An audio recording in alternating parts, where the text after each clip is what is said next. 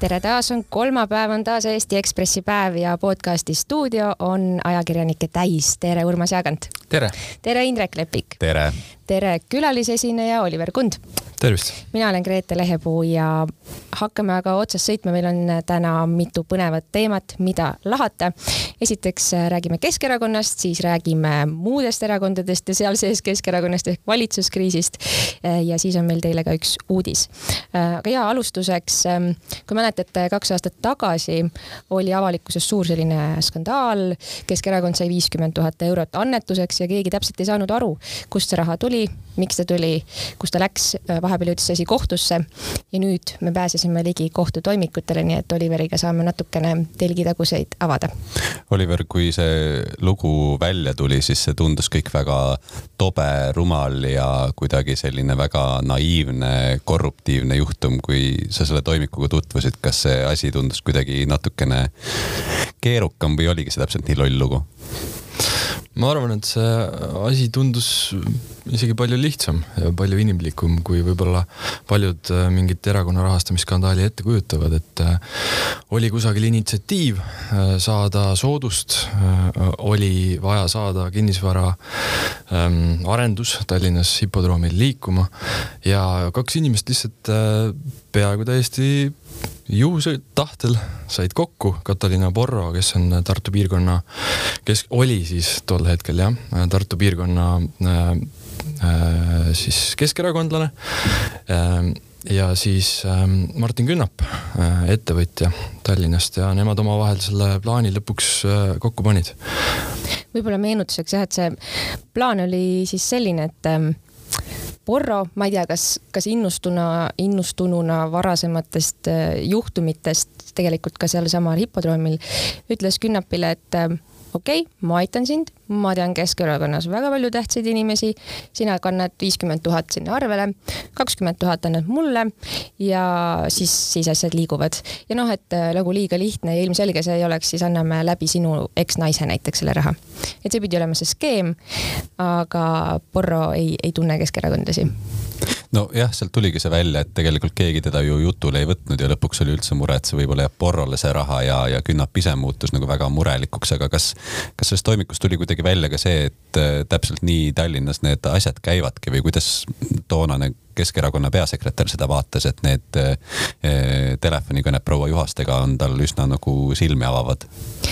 ja selle, selle toimiku ja selle kogu selle loo tuum või selline ka põnev osa kindlasti on pealtkuulatud kõned ja siis ära võetud või, või siis sealt ähm, kahtlustatavate, süüdistatavate seadmetest ähm, võetud SMS-id, meilid ja muu kõik sõnumivahetus üksteise vahel, mis siis aitas meil näha tegelikult sinna kulisside taha, onju ja noh, selles mõttes ei ole üllatav, et Korb ja Juhaste suhtlesid, selles mõttes, et ähm, Korbil oli nüüd lõpuks ikkagi vaja välja uurida, kes see inimene on ja peasekretär erakonnas peab aru saama, kust raha tuleb ja kuhu ta läheb ähm,. aga tegelikult isegi häiriv oli näha, missugune oli see suhtlemise toon, et see oli väga niisugune sõbralik, familiaarne, et noh, oleme nüüd koos siin supis jälle ja püüame ikka hakkama saada ja hoidke ikka saba rõngas ja pole see hullu midagi, et alguses on meediaga suhtlus raske, aga hiljem läheb kergemaks ja siis nagu muu seas seal jutu sees, et no äkki olete mõelnud intervjuud anda või äkki olete mõelnud, et kas noh, kas ikka tasub ütlusi anda kohe alguses, äkki alles kohtulikus uurimises.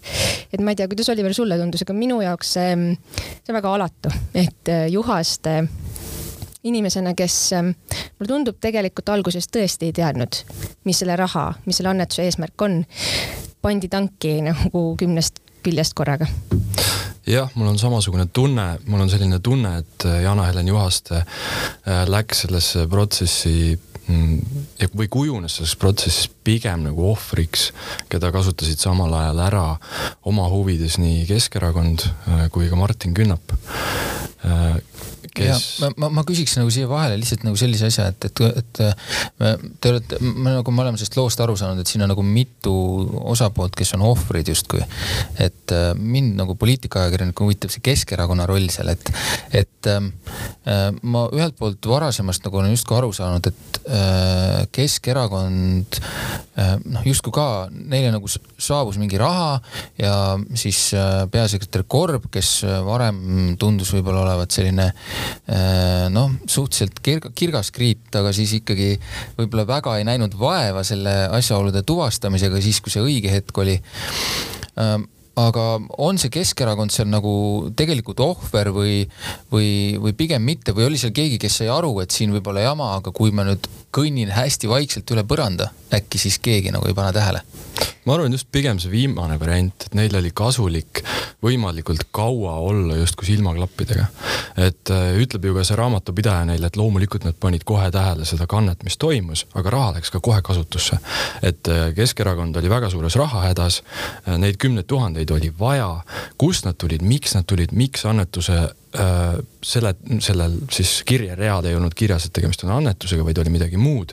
see ei huvitanud Keskerakonnas mitte kedagi. ja tollel hetkel oligi mugav lihtsalt edasi liikuda ja kui see läks äh, neile ohtlikuks, alles siis hakkas kasvama Keskerakonna huvi selle vastu, et äkki me peaksime tutvuma ka selle annetuse asjaoludega.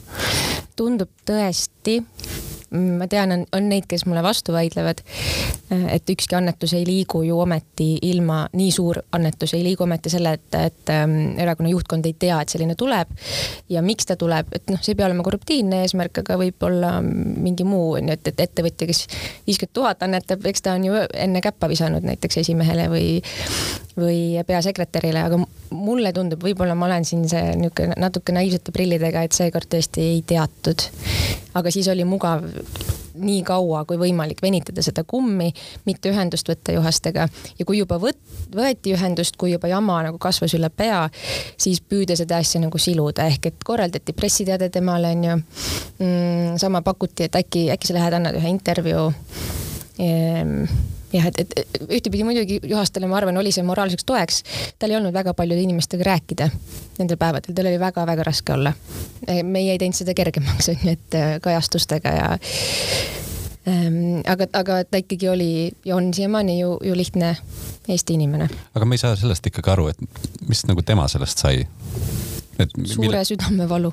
jah, et, et, et noh, et, et sulle ütleb eksmees, et kanna viiskümmend tuhat Keskerakonnale ja saad, jah, okei okay no ma arvan, siin ongi need isiklikud asjad, millele Keskerakond esimees, esimese hooga ju ka viitas, et nad ei saa seda asja avaldada. et see on nagu liiga isiklik ja noh, selles mõttes see ongi ühe katkise perekonna lugu, kärgpere lugu. ja seal taga võib olla siis tõesti lootus sellele, et, et nüüd ühel hetkel siis mu lapse isa tuleb, äkki ta tõesti siiralt tahab parandada suhteid, äkki ta tahabki teha tagasi selle aja, kui ta meid üldse ei toetanud. seal võib olla see, aga toimikust tegelikult see välja ei tule aga me oleme rääkinud, et viiskümmend tuhat on suur summa, aga ma ütleks jällegi, et ühe poliitilise erakonna jaoks või arvestades, mis kaalul on, siis see viiskümmend tuhat on ikka päris nagu väike summa, et äh, kes on, kuidas nagu Keskerakond seda ise vaatab või kes see Keskerakonna sees nagu mõtleb, et äh, kas see asi oli nüüd seda väärt ja, ja kes nagu, kes Keskerakonna sees selle jama eest vastutab? no ma arvan, et seda erakonda tuleks hinnata ikka nende tegude järgi, et kui sa vaatad, kuidas nad reageerisid sellele rahale, seda väga taheti alles hoida.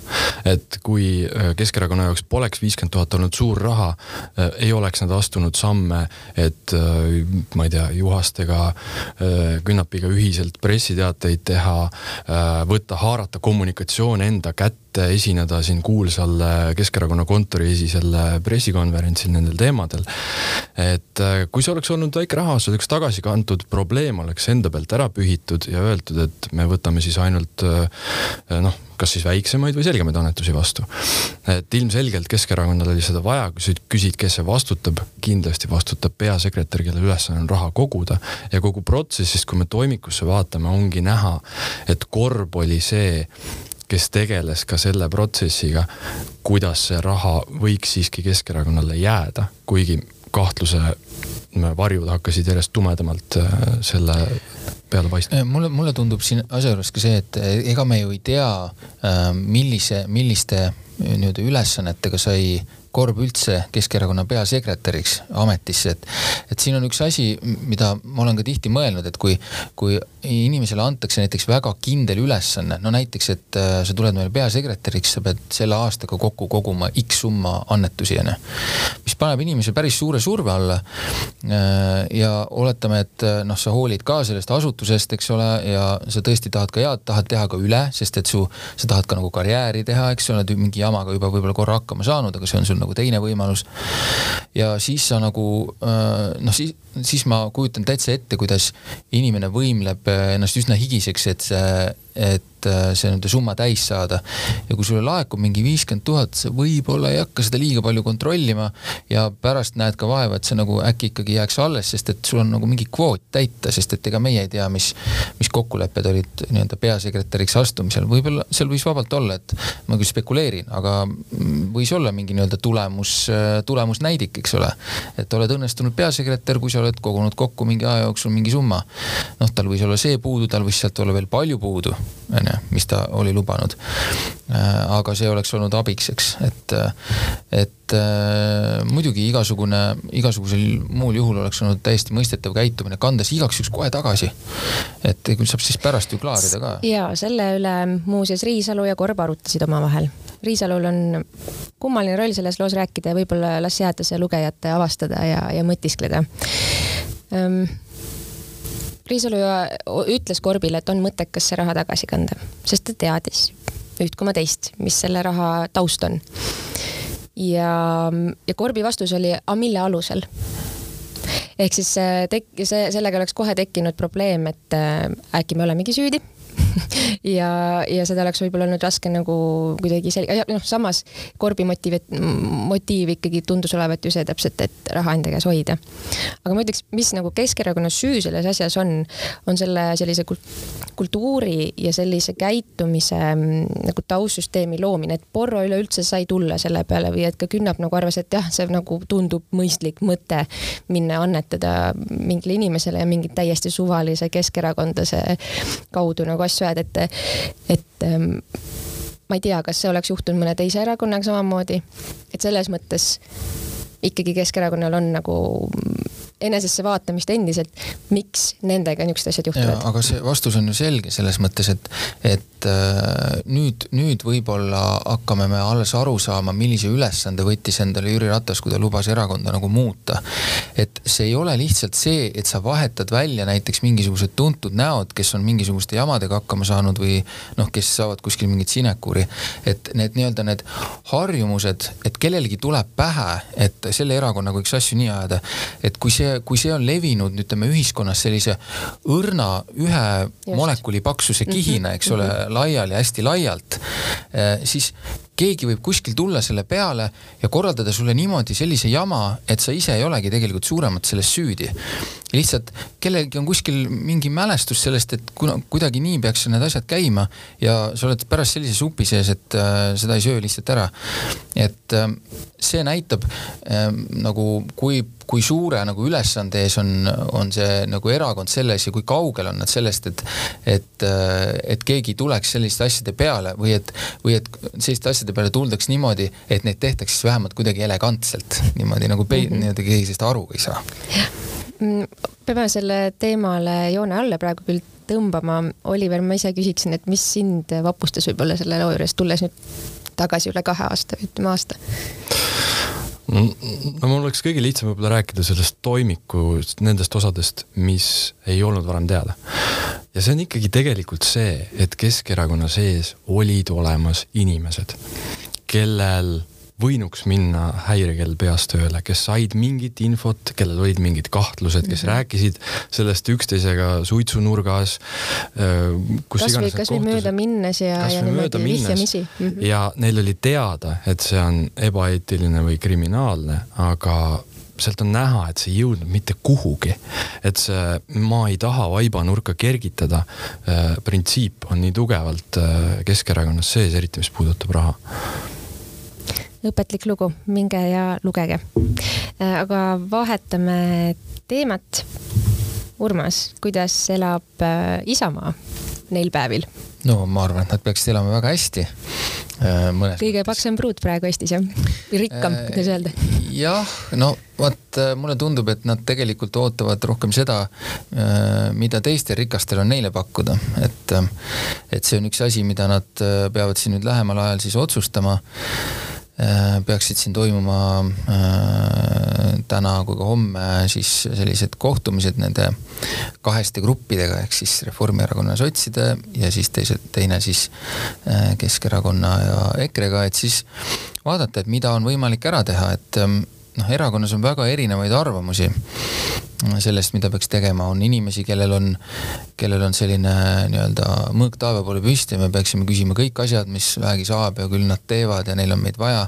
ja siis on neid, kes ütlevad, et me peame ikka nagu kahe jalaga maa peal olema, et mida nende üheksa kuuga üldse on võimalik teha ja vaatama nagu pikemat pilti, et, et mis siis, milline variant meile nagu nii-öelda ka pärast järgmisi valimisi nagu koidab, et, et see, mille kasuks nad otsustavad, noh, väga keeruline, siin mõnda aega on olnud justkui signaalid ikkagi, et see nii-öelda vana valitsus, Keskerakond, EKRE, Isamaa, et äh, mingid südamed tuksuvad nagu sinnapoole, eks.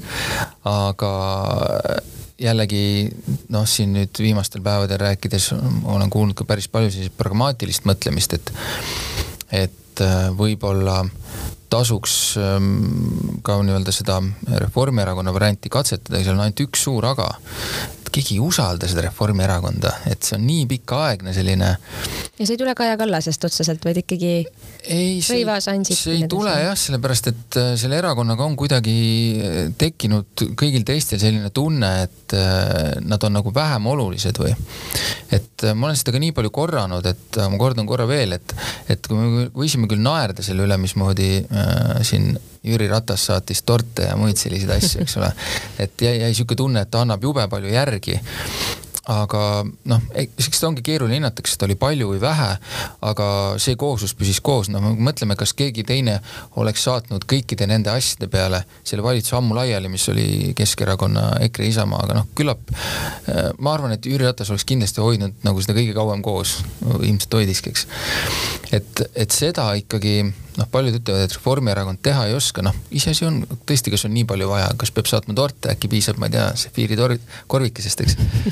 aga noh, tervikuna ei tunta väga suurt usaldust äh, Reformierakonna vastu. mulle on öeldud, et olgu, äh, lubavad, ütlevad, et jaa, räägime sellest peretoetustest seal eelarve käigus.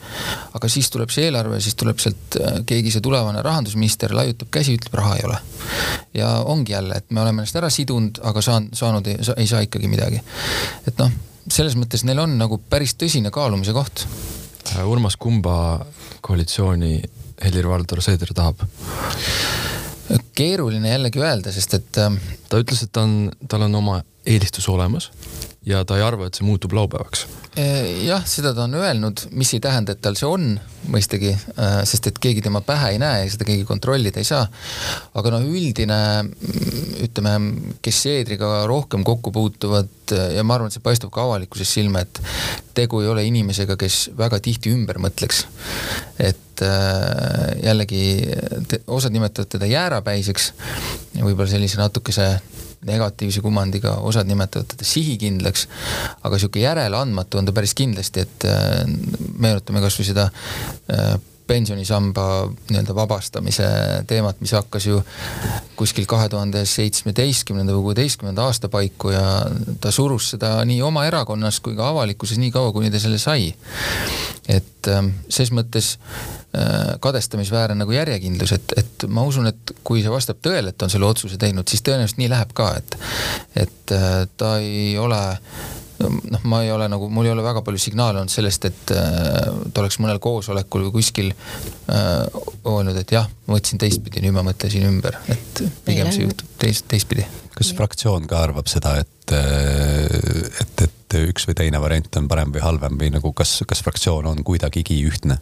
Mm, ei ole ühtne, seal on ka mitu arvamust. Äh, täpselt need arvamused ongi, et äh, osad eelistaksid seda nii-öelda vana, osad tahaksid proovida ikkagi Reformierakonnaga, sellepärast et äh, need haavad sellest EKRE-ga koostööst on nagu mõnel ikka väga värsked ja ei ole nagu tore nii et ses mõttes noh, ongi väga keeruline otsustada. ma arvan, võib-olla seal on ka üks põhjus, miks see volikogu kätte nagu justkui tahetakse viia, kuigi põhjust ei ole, sest et, et mida laiapindsem, seda vähem on võimalik üksikutel liikmetel öelda, et otsus ei ole kuidagi legitiimne, aga no ma arvan, et me teame seda otsust kuskil reede, reede õhtuks äkki ikka juba sellega seoses mulle meenub Urmas Reinsalu postitus Facebookis, kus ta kutsub siis Eesti rahvast ka avaldama arvamust, kes peaks olema valitsus. muuseas, seal all kommenteerib Jaak Madisson, Urmas, sa tead väga täpselt, milline peaks olema Eesti valitsus. et kas see mm, Isamaa püüd näidata seda kuidagi eriti laiapõhjalise ja eriti nagu demokraatliku valikuna, tõlgendan ma seda õigesti?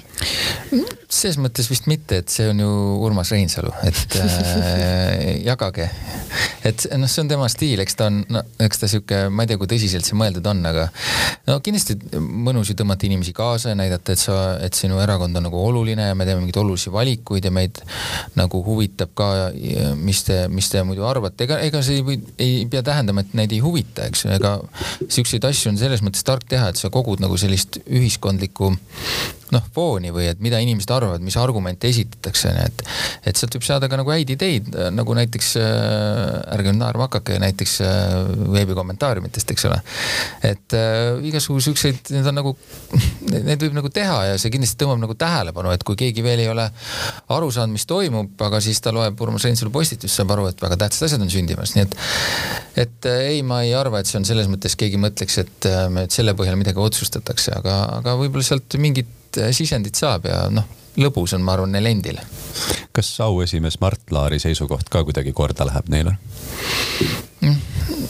Keeruline öelda, no küllap, äh, küllap nagu läheb selles mõttes, et see kindlasti mõjutab mingisuguseid inimesi, aga no kui me vaatame seda, et Mart Laar oli ju see, kelle juhtimisel, eks ole, erakond pidi või mõte oli, et peaks ikkagi eelarve tasakaalu panema põhiseadusesse, siis nagu, nagu me näeme, siis ka see, see mõte nagu ei, ei lenda enam Isamaa erakonna seas kuigi kaugele, eks. et äh, noh küllap kuuld-, kuul-, kuuldakse ja kõigil erakondadel on need auesimehed, kes siis ka sellist natukene sellist ventiili rolli mängivad, et äh, lasevad mingisugust õhku välja ja, ja on, on erakonnas, see, see, see on üks põhjus, miks on hea, kui erakonnas on inimesed, kes arvavad teistmoodi. et siis need, kes su valijate või toetajate seas ka arvavad teisiti, nad ei jookse kuhugi, kuhugi mujale kohe, vaid neil on ka erakonna sees olemas keegi, kes esindab seda vaadet. kas seda kuulda võetakse, see on muidugi teine asi. et äh, ma küll ei usu, et äh, nüüd Mart Laari seisukohast suuremal määral olene, oleneb see, mida, mida tehakse, aga mm, kummalgi poolel on seda võimalik ju kasutada siis pärast ka, mm, siis näiteks oma vastaste vastu. aga Isamaa naudib seda olukorda praegu ikkagi täiega, on nii? no ma usun, et osad naudivad, ma arvan, et osadel on ka ikkagi väga tõsine nagu mõtlemistöö, et ega sellest ei sõltu ainult nüüd see, mis sellest valitsusest saab, et, et noh, ma arvan, et ma ei, ei arva, vaid ma tegelikult olen ka küsinud, et ega ju Reformierakonnas on ka inimesi, kes ütlevad, et, et kui Äh, kui, kui üks erakond on kaalukeel, siis peab, peaks justkui nagu tähendama, et, et on võimalus, et see kaalukeel langeb nagu mõlemale poole, eks ole. kui see kaalukeel langeb mitmendat korda ühele poole, siis enam ei ole kaalukeel. ehk siis äh, äh üks asi, mis on ka küsimus, et kui, kui Isamaa nüüd teeb valiku selliselt äh, noh, mis siis pärast järgmisi valimisi, kas pärast järgmisi valimisi äh, praeguse seisuga, mida Reformierakond justkui võidaks, Eesti kakssada tuleb sisse, mis muudab väga oluliselt äh, Isamaa olukorda. et Isamaa on ju selles seisus praegu täpselt tänu sellele, et ei ole ühtegi teist sellist nii-öelda kaalukeelt, eks. niipea kui sinna kõrvale tekib teine on mäng kohe hoopis teistsugune. ehk siis äh, noh, kui, kui äh, Reformierakonna jaoks Isamaa mingi viim-, nüüd see otsusega kuidagi muutub selliseks, keda järgmine kord enam ei kaasata nii väga, siis see võib Isamaale olla halb. teistpidi asju võib-olla ei tasu ka üle tähtsustada, et alati pärast valimisi on uus olukord ja kõik, nii nagu öeldakse, et kõik on laual. nii üldjuhul ongi, et äh, eks vahest neelatakse alla ka need sellised isiklikud antisümpaatiad, aga kokkuleppe nimel, aga nagu me näeme, pärast ilmuvad need jälle lagedale ja kummitavad kõikides tubades. et kui see teema kokku võtta, siis äh, reedel sinu ennustuse järgi võiksime me mingisugusest otsusest kuulda. oled sa praegu joonistanud enda ette ka selle Riigikogu saali ja teinud matemaatikat, et kuidas need hääled ka mm, nagu jaotuksid, kui koalitsiooni hääletamiseks läheb. et kas, kas sellel vanal nii-öelda konservatiivsel kolmikliidul tegelikult tulevad hääled ikkagi kokku üldse mm,? Päris... ma ausalt öeldes ei ole veel nii kaugele mõelnud, sest mm. sinna on, sinna on veel ju vaata nii palju aega ka, et me räägime sellest, et kui, kui praegu midagi Isamaa otsustab, siis see tähendab, et ta läheb läbirääkimistele. ehk siis äh, meid ootavad ees veel mingi nädal-kaks äh, läbirääkimisi kas, kas ei ole nii, et otsustamise käigus ikkagi juba ju kombatakse piire no,, saadetakse sõnumeid? seal on neid detaile nii palju ja see sõnastus, mismoodi, kui me mäletame äh, nii-öelda Keskerakonna, EKRE, Isamaa koalitsioonilepet, siis seal kõik kõik punktid olid sellised suhteliselt umbsed, välja arvatud üks, milleks oli pensionireform, mille kohta oli terve pool A4 oli väga detailselt lahti kirjutatud, mismoodi saab olema. selle rääkis Isamaa sinna need kõik need punktid sinna sisse, et ja pärast ei olnud kellelgi midagi kobiseda, et kuidas seda teha tuleb ja mismoodi, et ja tuli hakata otsast tegema. et selles mõttes äh, see protsess on ka siis seal tagapool otsas oluline. et äh, ei, selles mõttes ma arvan, joonistama võib need hakata alles siis, kui, kui on tõesti see nii-öelda läbirääkimised on nagu käimas, et me pole sinna veel üldse jõudnudki. et selles mõttes ähm, jah, reede, reedet ma ütlen sellepärast, et kuna laupäeval on äh, Isamaa volikogu, mis pidi niikuinii olema ja Seeder on otsustanud, et äh, seal võiks ka mingi sõna kõlada, kuigi seda ei pea. Isamaa põhikirja järgi ei otsusta volikogu neid asju aga äh, noh, niisuguse laiapõhjalisuse jaoks ta on otsustanud selle sealt nii-öelda läbi loksutada. et siis ta peab ilmselt reedel juba ikkagi, peab olema päevakord paigas, mida siis tehakse ja küllap siis peab olema see seal ka nagu äh, fikseeritud reedel juba, et, et mis siis nagu küsimuseks ette pannakse, et noh, siin on erinevaid variante, kas, äh, kas olla äh, nii-öelda seiklushimulised ja panna kaks varianti, üks koalitsioon versus teine koalitsioon. ma pigem arvan, et ei olda seiklushimulised, sest poliitikas võib kätte maksta ootamatute tulemustega. et pannakse üks eelistatud variant ja siis kas jah või ei. ootame-vaatame. jah äh, ma tahtsin veel tegelikult äh, küsida selle viimase teemana, et äh, lõppkokkuvõttes läheb ju Riigikogu suvel puhkama. kas see kell nagu ei tiksu? tiksub ikka, et aga noh, ütleme selliste asjade jaoks, kui on vaja hääletada Äh, uut valitsust ametisse, siis äh, selle saab ikka korraldada, aga muidugi on see ebamugav jah, et kuigi ametlikult Riigikogul puhkust ei ole, siis äh, ma arvan, et lennupiletid on praktiliselt kõigil põuetaskus juba. Või siis on, või siis on juba uus murutraktor ootab sisseõnnistamist mõne hoovi peal. nii et suveplaanid on kindlasti inimestel tehtud ja ega kellelegi ei meeldi suvel neid asju ajada, sest selles mõttes ma arvan, et pigem proovitakse see jah, kiiresti korda saada, aga ma praegu veidi kahtlen, kas see ikkagi õnnestub jaanipäevaks, meil on sinna, mis nüüd on jäänud, kolm nädalat. enam-vähem jah. et -hmm. noh, ikkagi suhteliselt keeruline nii ruttu jõuda no õnneks on siis äh, Ekspressi lugejal vähemasti selgus äh, selle suhtes, mida Ukraina sõda toob äh, kogu suve jooksul, sest et et äh, ma arvan, et viimase teemana võiksime läbi käia ka selle, et äh, neljapäeval, üheksandal juunil toimub äh, sõjapäevikul live. et me oleme siin teinud seda sõjapäevikut juba üle saja päeva, täpselt nii palju, kui see sõda on kestnud, nii kaua me oleme seda ka teinud ja mõtlesime nüüd sel korral, et, et vaatame siis ka nii-öelda pilguga ettepoole ja vahetame kirjasõnaga siis heli ja pildi vastu.